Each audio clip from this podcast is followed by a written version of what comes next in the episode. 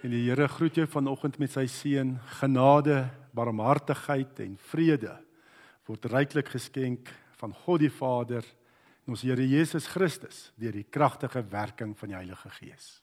Amen. Skriflesing ons gaan twee gedeeltes lees uit Levitikus 16 uh, vers 1 tot 10 en ook Efesiërs 1 vers 3 tot 14.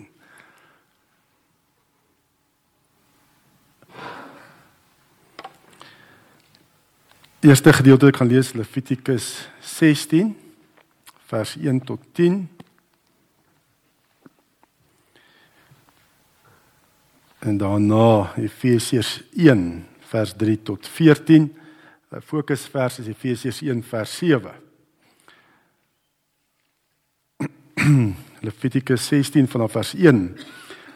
Aaron se twee seuns het gesterf toe hulle nog toe hulle offer aan die Here wou bring. En na aanleiding daarvan het die Here vir Moses 'n opdrag gegee. Hy het vir Moses gesê: "Sê vir jou broer Aaron, hy mag nooit sommer in die heiligdom agter die voorhangsel ingaan na die deksel van die verbondsark toe nie. Ek verskyn telkens in 'n wolk bo kan die deksel van die ark en as Aaron sommer ingaan, sal hy sterwe. Voordat hy in die allerheiligste ingaan, moet hy jong bul as sondeoffer bring en 'n ram as brandoffer. Verder moet hy die gewyde klere van 'n gewone priester aan hê, oor 'n broek en hy moet 'n serp om sy lyf en 'n tulband op sy kop hê. Dit moet hy dit moet hulle gewyde linneklere wees. Ehm um, hy moet hom was voor hy dit aantrek. Van die gemeente Israel moet hy twee bokramme as sondeoffer kry en een skaapram as bok brandoffer. Hy offer dan eers die bul wat vir homself bedoel is as sondeoffer, sodat hy verzoening kan doen vir homself en al die priesters. Daarna bring hy die twee bokke na die ingang van die tent van ontmoeting toe in die teenwoordigheid van die Here. Hier moet Aaron loetjies trek oor die twee bokke. Die een loetjie moet gemerk wees vir die Here en die ander een vir Asasel. Aaron moet die bok wat vir die Here geloot word as 'n sondeoffer offer. Die bok wat hy vir Asasel geloot het, geloot is, moet bly lewe. Die bok moet in die teenwoordigheid van die Here bly staan sodat Aaron die versoeningshandeling daarop kan verrig en daarna moet die bok die woestyn ingestuur word vir Asasel. En dan kyk ons na Efesiërs 1 vanaf vers 3 tot vers 14. Aan God die Vader van ons Here Jesus Christus kom al die lof toe. Hy het ons in Christus geseën met al die seënings van die Gees wat daar wat daar in die hemel is. So het hy nog voordat die wêreld geskep is ons in Christus uitverkies om heilig en onberispelik voor hom te wees. In sy liefde het hy ons volgens sy genadige beskikking toe ook al daarvoor bestem om deur Jesus Christus sy kinders te wees. Daarom moet ons God prys vir sy wonderlike genade wat hy in die geliefde vrylik aan ons geskenk het. Deur die bloed van sy seun is ons verlos en is ons oortredinge vergewe kragtens die ryke genade van God wat hy in al sy wysheid en insig so oorvloedig aan ons geskenk het.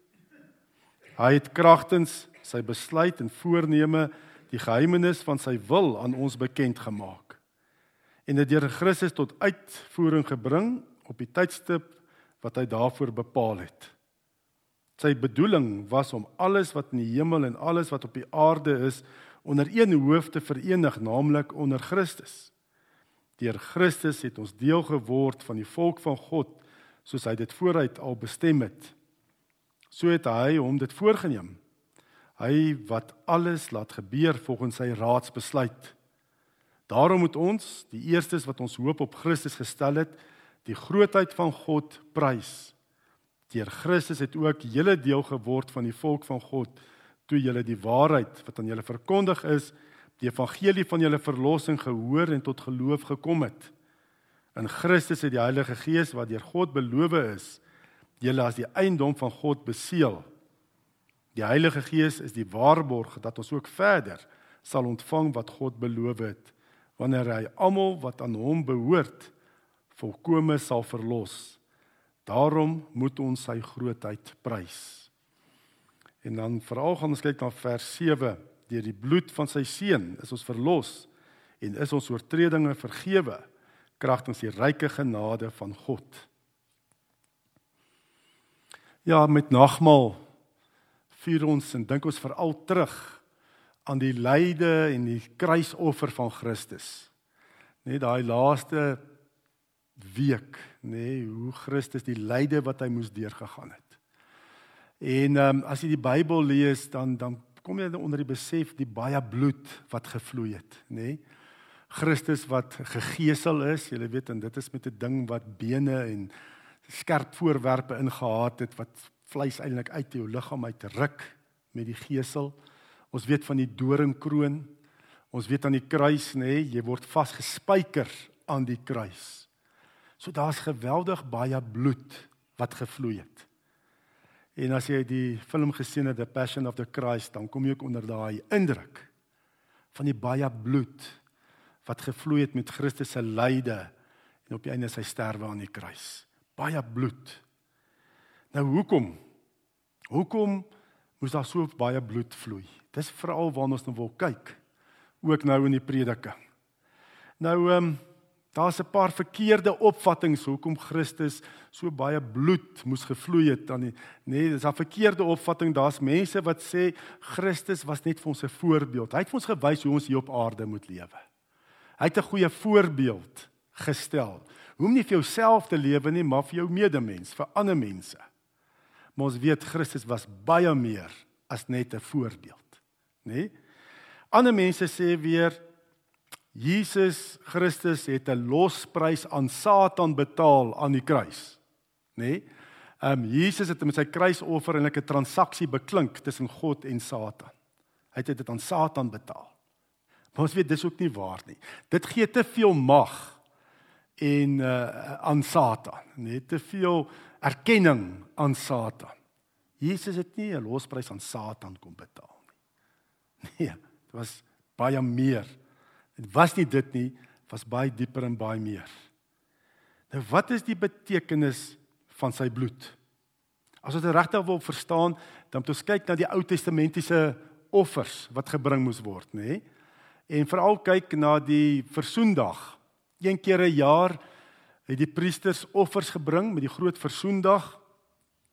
En ehm um, en op daai dag het die hoofpriester die allerheiligste binne gegaan nê nee, om daar verzoening te bring vir die volk se sondes. En om ook weer die volk en die priesters te wy aan die Here. Ehm um, ja, die as ons lees dan ook Efesiërs 1 vers 7, nê, staan daar dan ook die deur die bloed van sy seun is ons verlos en is ons oortredinge vergewe. Wat natuurlik nou verwys na die Ou Testamentiese offers nê nee, waar bloed gevloei is. As iets geoffer, 'n dier geoffer is, nê, nee, dan is hy middeldeur, hy's gesny en daar's bloed is geoffer. En dan weet ons ook hoekom, hoekom so baie bloed? Uh volgens die Ou Testament in die Bybel sê die Here ook die lewe, nê, nee, die lewe is in die bloed. Levitikus 17 vers 11 staan omdat die lewe van 'n die dier in sy bloed is, het ek die bloed vir julle gegee om op die altaar verzoening te doen vir julle lewens, nê? Nee? Jou bloed is die draer van jou lewe. Dit is maar net so. Bloed is jou lewe. As die bloed uit jou liggaam vloei, dan vloei die lewe ook uit jou liggaam uit. En ek dink ek het dit al genoem. Ehm um, toe ek in die weermag was, moes ek 'n mediese kursus doen en ons het prakties by Laraton gaan doen. En uh een aand het daar ook 'n uh, uh, 'n man ingebring. Hy was aangeval deur 'n Rottweiler, Rottweiler wat net 'n weet 'n plek opgepas het. 'n uh, Fabriek opgepas het. Jy weet daai honde word nie eintlik gehanteer nie. En die persoon het oor die draad geklim en hierdie Rottweiler het hom aangeval en hom verskeer. Maar het hom daar uitgekry en hy het hom hospitaal toe gebring met die ambulans. Maar hy was so, die dokters het alles gedoen, ons alles gedoen wat ons kon om hom te probeer sy lewe spaar, maar hy het te veel bloed verloor. Die bloed het uit hom uitgevloei. En ons het gewag vir 'n bloedoortapping dat hy bloed moes bring, maar dit het te laat gekom. Maar jy kon sien hoe gaan die lewe uit hom uit met al daai bloedverlies. So bloed is in Die lewe is in die bloed. En dit is hoekom Jesus uit sy lewe gegee vir ons. Daarom moes so baie bloed vloei. Want Jesus se lewe, Jesus as mens se lewe is in sy bloed. Jesus het met sy bloed sy lewe geoffer vir jou plek en vir my plek. In ons plek het hy sy lewe gegee. Um Hebreërs Hebreërs 7 vers 26 en 27 vir ons was so 'n hoëpriester nodig, een wat heilig, skuldeloos en sonder smet is, een wat nie soos die hoëpriesters elke dag offers hoef te bring nie, eers vir sy eie sondes en dan vir die van die volk nie. Hy het immers eens en vir altyd die offer vir sondes gebring toe hy homself geoffer het. Jesus was die volmaakte offer gewees aan die kruis. Die hoëpriesters van die Ou Testament kon nie regtig met die offerdiere wat hulle se bloed nê nee, geoffer het, kon hulle nie verzoening vir sondes regtig gebring het nie. Dit was eintlik maar net 'n heenwysing na Christus wat sou kom, die volmaakte offerlam. Want diere se lewe kan nie betaal vir mense se lewens. Ons is tog mense wat gesondig het. En daarom kon diere se lewe nie betaal het in ons plek. Nee, 'n mens moes sterf in jou en my plek. Maar nou kan nie enige mens vir 'n ander mens sterf nie, want jy moet eers sterf vir jou eie sondes. En daarom het dit 'n sondelose mens gevra. Jesus wat geen sonde gehad het nie. So hy hoef nie te gesterf vir sy sondes nie en kon hy ook daai versoeningsoffer gebring het vir ons. Net soos wat hier staan, een wat nie soos die hoofpriesters elke dag offers hoef te bring nie, eers vir sy eie sondes en dan vir die van die volk nie. Hy het immers eens en vir altyd offer vir die sondes gebring toe homself geoffer het. Ja. Jesus het die volmaakte offer gebring. En dan sien ons ook in die Ou Testament op die groot versoendag wat die hoofpriester die allerheiligste ingegaan het, nê, nee, is daar spesifiek twee sondeoffers gebring. Net twee sondeoffers, twee diere wat geoffer is vir die sondes. En spesifiek in dit was dit twee bokke, bokramme gewees, nê, nee, wat geoffer is. Ehm um, die een moes die met sy bloed die sondes van die volk bedek het voor God. En die ander bokram, nê, nee, moes die sondes van die volk weggedra het voor God se aangesig. So twee bokramme is geoffer. Nê? Nee, vir om verzoening te bring vir die sondes van die volk, nie aan hom weg te dra, die sondes weg te dra. Ehm um, hoe dit gebeur het, die hoofpriester het gekom en dan het hy sy hande gelê op hierdie twee bokramme. En wat is daai simboliek? Hy daardeur nê die volk geassosieer met hierdie bokramme. En hy die sonde van die volk oorgedra na hierdie twee bokramme toe. Dis wat die priester gedoen het. Deur sy hande op die bokramme te lê, het hy die sonde oorgedra en is die volk geassosieer voor die Here met hierdie twee bokramme. En dit is natuurlik waar die woord vandaan kom, die sondebok, nê? Nee, ons gebruik baie keer die sondebok. Nee, daar's 'n sondebok in jou plek, nê? Nee, Daai bokramme kom in die volk se plek, die sondebokramme. En dan die eerste in Levitikus 16 wat ons nou gelees het, hier moet Aaron loetjies trek oor die twee bokke, nê? Nee? Die een loetjie moet gemerk wees vir die Here en jy die ander een vir Asasel. Aaron moet die bok wat vir die Here geloot word as 'n sondeoffer offer. So as ons kyk dat die eerste bokram, die sondeoffer vir die Here, dit was 'n bloedoffer gewees. Wat gebeur is die een bokram ehm um, Aaron wat toe die eerste hoofpriester was nê, nee, het loetjies getrek, watter een is vir die Here en watter een vir Asasel, dan die een wat vir die Here is nê, nee, het is dan ge, geoffer, doodgemaak en die bloed is gedreineer van die karkas. En dan is net die bloed as 'n sondeoffer geoffer in die tempel. Die karkas is buite weggegooi buite die stadspoorte. Dis wat gebeur het. En net die bloed is gevat om vergifnis te bring vir die volk se sondes voor die Here. En dit is ook natuurlik wat Aaron daar op die versoendeksel besprinkel het tot 'n versoening van die volk se sondes. En ons kyk in Nuwe Testamentiese terme, wie was die sondeoffer? Die bloedoffer gewees? Natuurlik Jesus. Wat het hy gedoen? Hy het gekom en met sy bloed verzoening, vergifnis bewerk vir ons almal se sondes. Toe hy daar aan die kruis gesterf het met sy bloed, het hy vergifnis bewerk vir jou en my. En wat het met sy liggaam gebeur? Die is ook buitekant die stadspoorte, begrawe in 'n rotsgraf. Soos die sondeoffer vir die Here, daai een bok wat vir die Here is.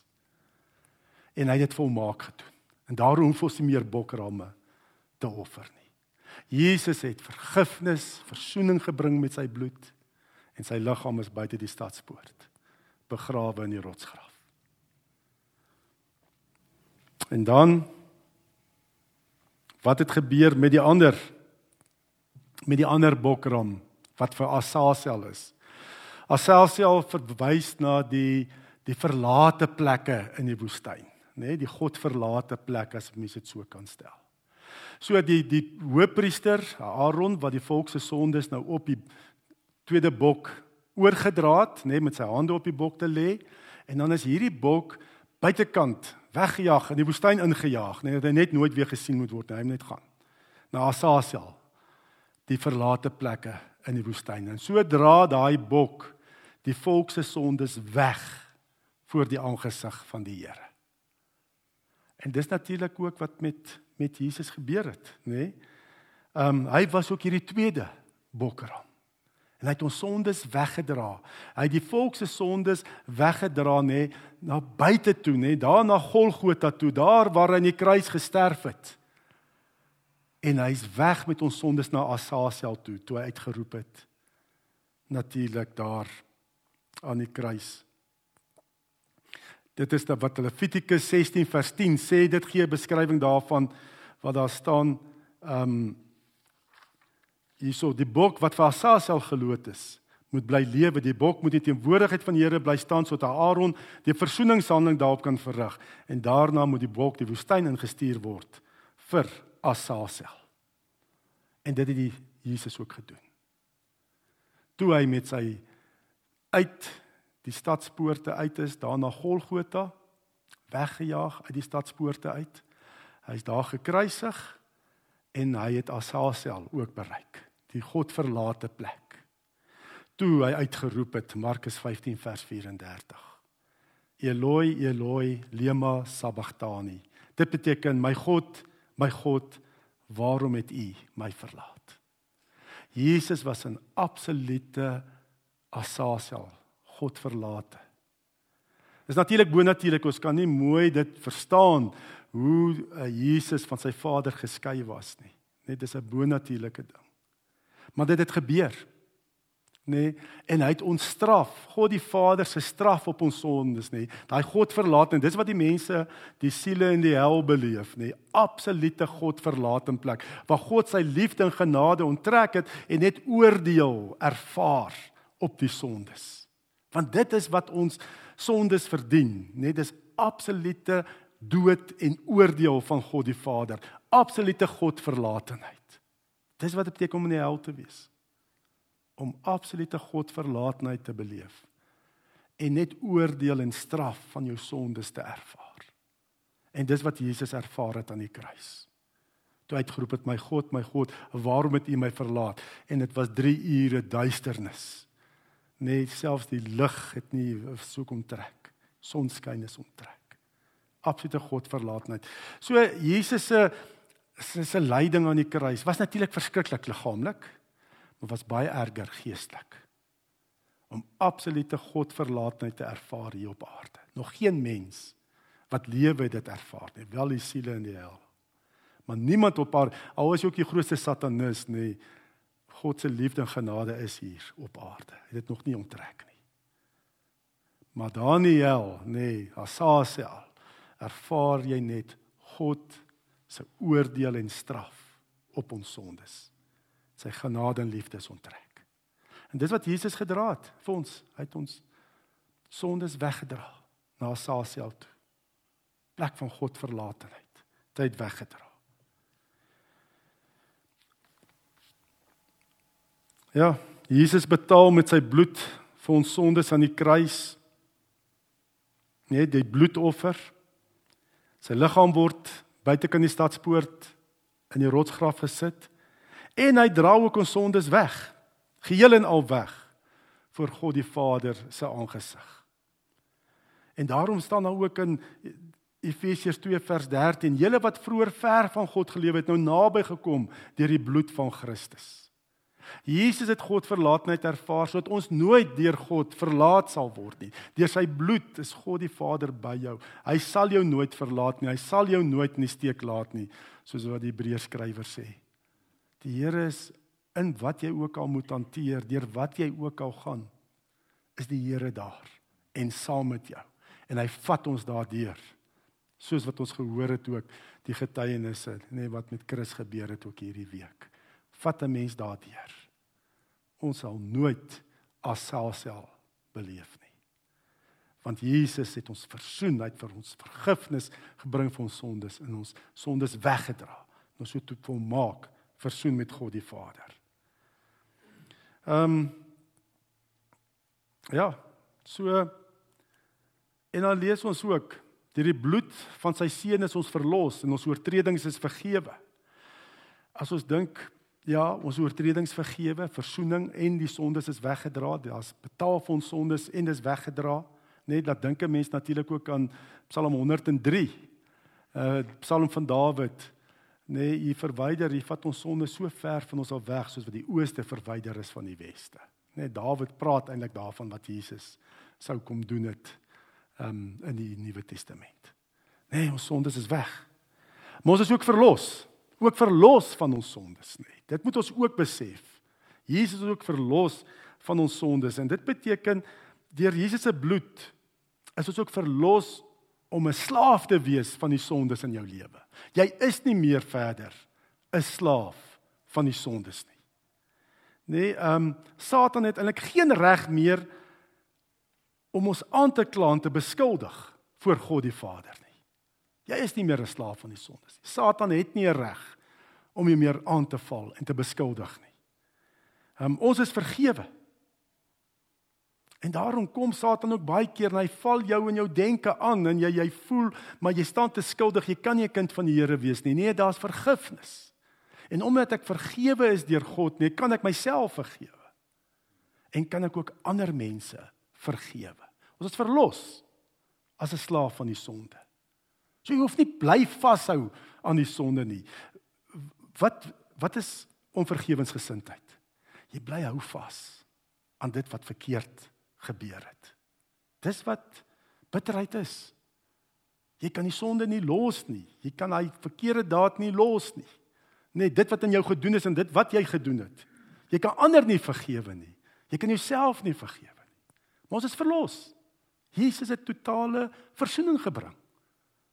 Dat ek is nie meer 'n slaaf van die sonde. Laat los dit. Vergifnis is absoluut belangrik in hierdie lewe. Om werklik in oorwinning te kom. Nee, ehm um, alle mense het die vergifnis in Christus nodig. Hoekom kan ek my naaste vergewe? Omdat die Here so baie sondes van my vergewe het. Ons het nou gehoor wat Jesus alles in die kruis gedoen het. Sy bloed is geoffer in ons plek. Hy het ons sondes weggedra na God verlaat en hy toe. Nee my God, my God, waarom het U my verlaat? En nou kan ek ander mense vergewe. Kan ek myself vergewe? En dit nê nee, is 'n sleutel in die lewe om werklik met hoop te kan lewe. Is vergifnis. Ou Nikki Gamble van die Alpha kursus skryf in 'n boek verwys hy na 'n uh, 'n debat op televisie tussen 'n humanis en 'n uh, Christen en uh, dit was 'n bekende humanis daar in um, Brittanje um, Marganita Lasky waar hierdie humanis sy erken het nê nee, en gesê het wat ek julle Christene die meeste beny is julle vergifnis het sy dit so op televisie gesê en toe sy emosioneel, taamlik emosioneel bygevoeg. Sy sê daar's niemand wat my kan vergewe nie. Dit is wat die sonde gebring het. Nê? Nee, ons is 'n soeke na vergifnis. Niemand is volmaak nie. Niemand gaan deur hierdie lewe wat nie seer kry nie. Almal gaan daardeur. En eerstens begin vergifnis dat ek vergewe is. Deur Jesus as die sondeoffer wat verzoening gebring het en my sonde weggedra het. Dat God die Vader dink nie meer daaraan nie. Ook 'n paar jaar terug na so 'n oorwinnaars naweek praat ek met 'n met 'n mediese dokter. En hy sê vir my mense wat in depressie is en ek sê nie almal wat in depressie het het bitterheid nie. Dis nie wat maar weet maar dit kan 'n groot oorsaak wees. Hy sê mense wat met kognitiewe kognitiewe terapie behandel word wat in wat depressie leiers is nê. En nou die wat deur kognitiewe terapie behandel word, is vergifnis 'n sleutel om hulle te genees. Nee, ehm um, vergifnis en kognitiewe behandeling is absoluut vergifnis is nodig. En hy praat uit my ook op 'n stand vir my gesê, ehm um, hy het 'n pad gestap met 'n ouerige tannie wat se leer omtrent dikker as die Bybel is van al die ehm um, siektes wat sy het, kroniese siektes, toestande wat sy het. En hy het eintlik half moedeloos geword want die tannie kom week na week terug, dit gaan net nie beter nie. En ehm uh, toe hy weer sien eendag toe sy stap so uit, sê hy sommer uit radeloos, hy sê tannie is daar nie iemand in jou familie wat jy moet vergewe nie. En sy stoot daar uit. En toe is daar mense wat sy moes vergewe en sy het mense vergewe. En hy sê haar leer het tot 'n normale dikte gekrimp vir 'n persoon van haar ouderdom vergifnis.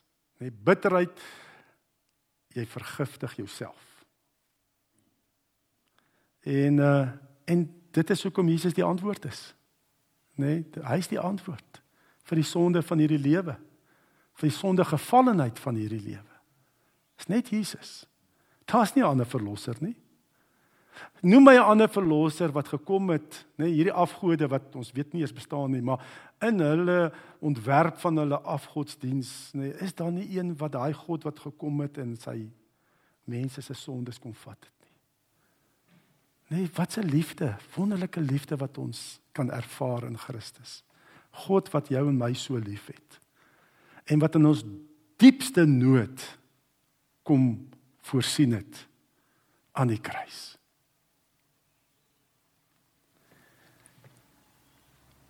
Ja, en ons moet besef dit was nie Pontius Pilatus en die Romeinse soldate wat Jesus aan die kruis gehou het nie. Nee. Jesus is God almagtig. Dis nie hy spykers nie. Dis sy liefde vir ons. Dis al. Net sy liefde vir ons. Ag, Jesaja het al daarvan gepraat. Oor ons oortredings is hy deurboor, oor ons sondes is hy verbrysel. Die straf wat vir ons vrede moes bring, was op hom. Deur sy wonde het daar vir ons genesing gekom. Net dit is deur Jesus se wonde, deur sy bloedoffer, sy sondeoffer bloed, net daar genesing gekom. Ehm um, na gees, siel en liggaam. En dan daarom belangrik is ons nou nagmaal vier. Moet ons eerstens kom en ons sondes bely voor die Here. Sê maar Here, ek is heeltemal verlore. Nee, daar's nie iets waarop ek of jy kan roem nie. Ehm um, dis net ons kan net roem in die bloed van Jesus. In sy sonde bloedoffer. Dis alwaar ons kan roem eers ons sondes bely en dan glo dat Jesus met sy bloed verzoening gedoen het, betaal het vir jou sondes aan die kruis. En dan hoef jy ook nie meer verder te dink aan daai sondes nie, want wat het gebeur? Hy het dit weggedra. Nee, soos hy sonde offeran. Hy het ook weggedra na God verlaatheid. En ek moet dit glo en dan vashou. En ehm um, Daarom hoef ons ook nie meer vas te hou aan ons eie sondes en aan die sondes wat mense wat hulle aan ons gedoen het nie. Ons kan dit laat gaan. Ons kan dit los sodat ons gesond kan word en genesing kan ontvang. Kom ons gaan ook met hierdie gesindheid wat ons die nagmaal dan ook gaan vier. En ek ehm um, hou die formulier vir ons voor.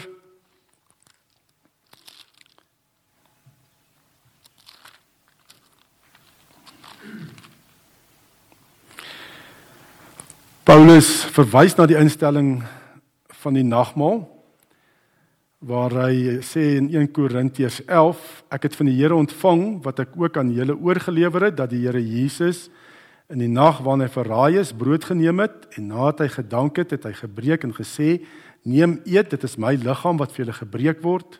Doen dit tot my gedagtenis net so ook die beker na die ete met die woorde. Hierdie beker is die nuwe testament in my bloed doen dit so dikwels julle daaruit drink tot my gedagtenis Want so dikwels as julle hierdie brood eet en hierdie beker drink, verkondig julle die dood van die Here totdat hy kom. Wie dan op 'n onwaardige wyse hierdie brood eet of die beker van die Here drink, sal skuldig wees aan die liggaam en die bloed van die Here. Maar die mens moet homself beproef en so van die brood eet en uit die beker drink.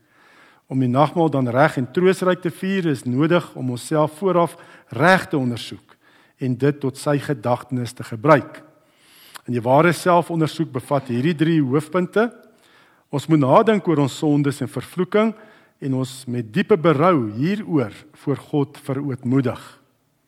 Ons moet met 'n vas ons moet die vaste belofte van God glo dat al ons sondes alleen op grond van die soenverdienste van Christus vergewe is en dat sy volkomme geregtigheid ons toegereken en geskenk is.